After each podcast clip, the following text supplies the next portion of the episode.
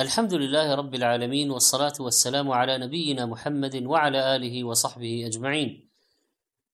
أيها الإخوة والأخوات السلام عليكم ورحمة الله وبركاته، ومع كتاب الله في شهر الصيام وهذه الآيات وشهرنا فيه قيام وقال تعالى: وتوكل على العزيز الرحيم الذي يراك حين تقوم وتقلبك في الساجدين إنه هو السميع العليم. يراك في هذه العبادة العظيمة وهي قيام الليل ويرى تقلبك راكعا وساجدا فيها قرب من الرب وخشوع وذل ومواطأة القلب للسان. إن ناشئة الليل هي أشد. قام عليه الصلاة والسلام شكرا لربه مع أنه غفر له ما تقدم من ذنبه وما تأخر.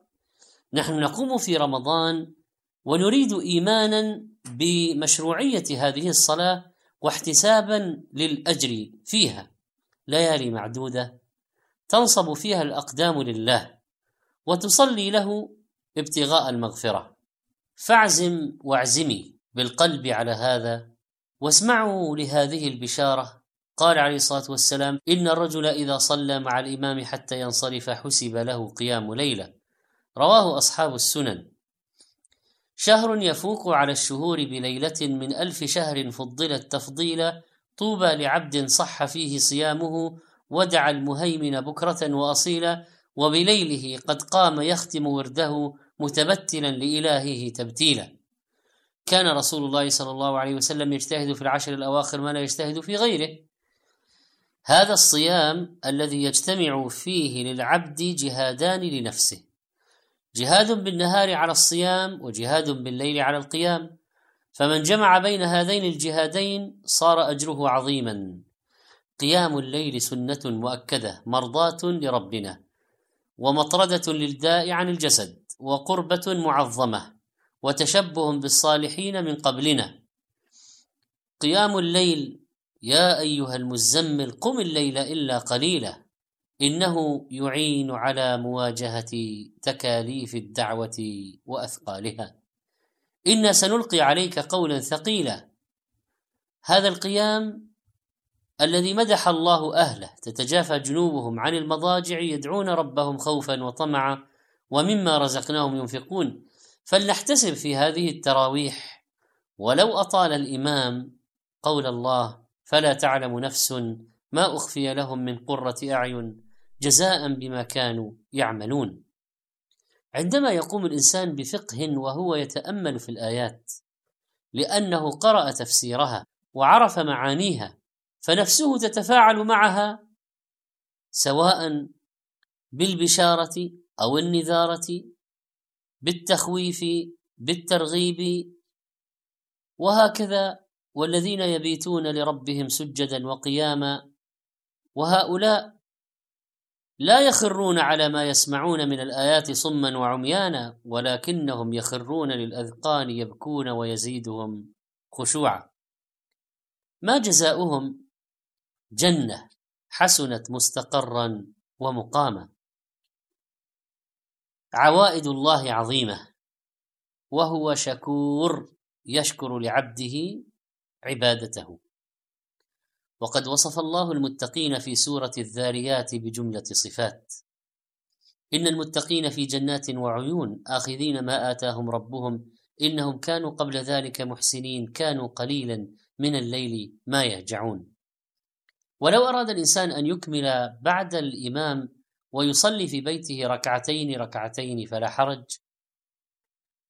وكذلك فإن من قام رمضان إيمانا واحتسابا غفر له ذنبه فإذا أصاب قيام ليلة القدر كان ذلك مغفرة على مغفرة.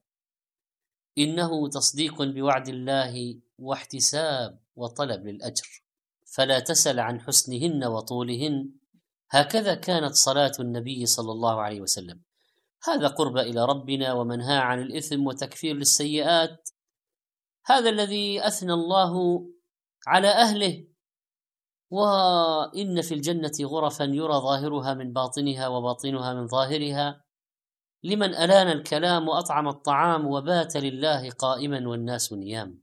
شرف المؤمن قيامه بالليل كما قال النبي عليه الصلاة والسلام في الحديث الحسن الذي رواه الحاكم والبيهقي. وأفضل الصلاة بعد الفريضة صلاة الليل. ومن قام بعشر آيات لم يكتب من الغافلين. لكن من قام بمئة آية كتب من القانتين. أما من صلى بألف كتب من المقنطرين وهم الذين لهم قنطار من الأجر جبال عظيمة. لقد قام النبي عليه الصلاة والسلام في الصحابة وتأثروا بقيامه حتى قال شاعرهم وفينا رسول الله يتلو كتابه. إذا انشق معروف من الفجر ساطع. أرانا الهدى بعد العمى فقلوبنا به موقنات أن ما قال واقع. يبيت يجافي جنبه عن فراشه إذا استثقلت بالمشركين المضاجع. يقول حذيفة صليت مع النبي صلى الله عليه وسلم ذات ليلة فافتتح البقرة فقلت يركع عند المئة ثم مضى. فقلت يصلي بها في ركعة فمضى. فقلت يركع بها ثم افتتح النساء فقرأها ثم افتتح آل عمران فقرأها يقرأ مترسلا إذا مر بآية فيها تسبيح سبح وإذا مر بسؤال سأل وإذا مر بتعوذ تعوذ رواه مسلم. قال عبد الله بن مسعود صليت مع النبي صلى الله عليه وسلم ليلة فلم يزل قائما حتى هممت بأمر سوء. قلنا وما هممت؟ قال هممت أن أقعد وأذر النبي صلى الله عليه وسلم. وهكذا كان يفعل وهكذا صلوا معه. قال الحسن لم أجد شيئا من العبادة أشد من الصلاة في جوف الليل. قال أبو عثمان النهدي تضيفت أبا هريرة سبعا فكان هو وامرأته وخادمه يقسمون الليل أثلاثا يصلي هذا ثم يوقظ هذا.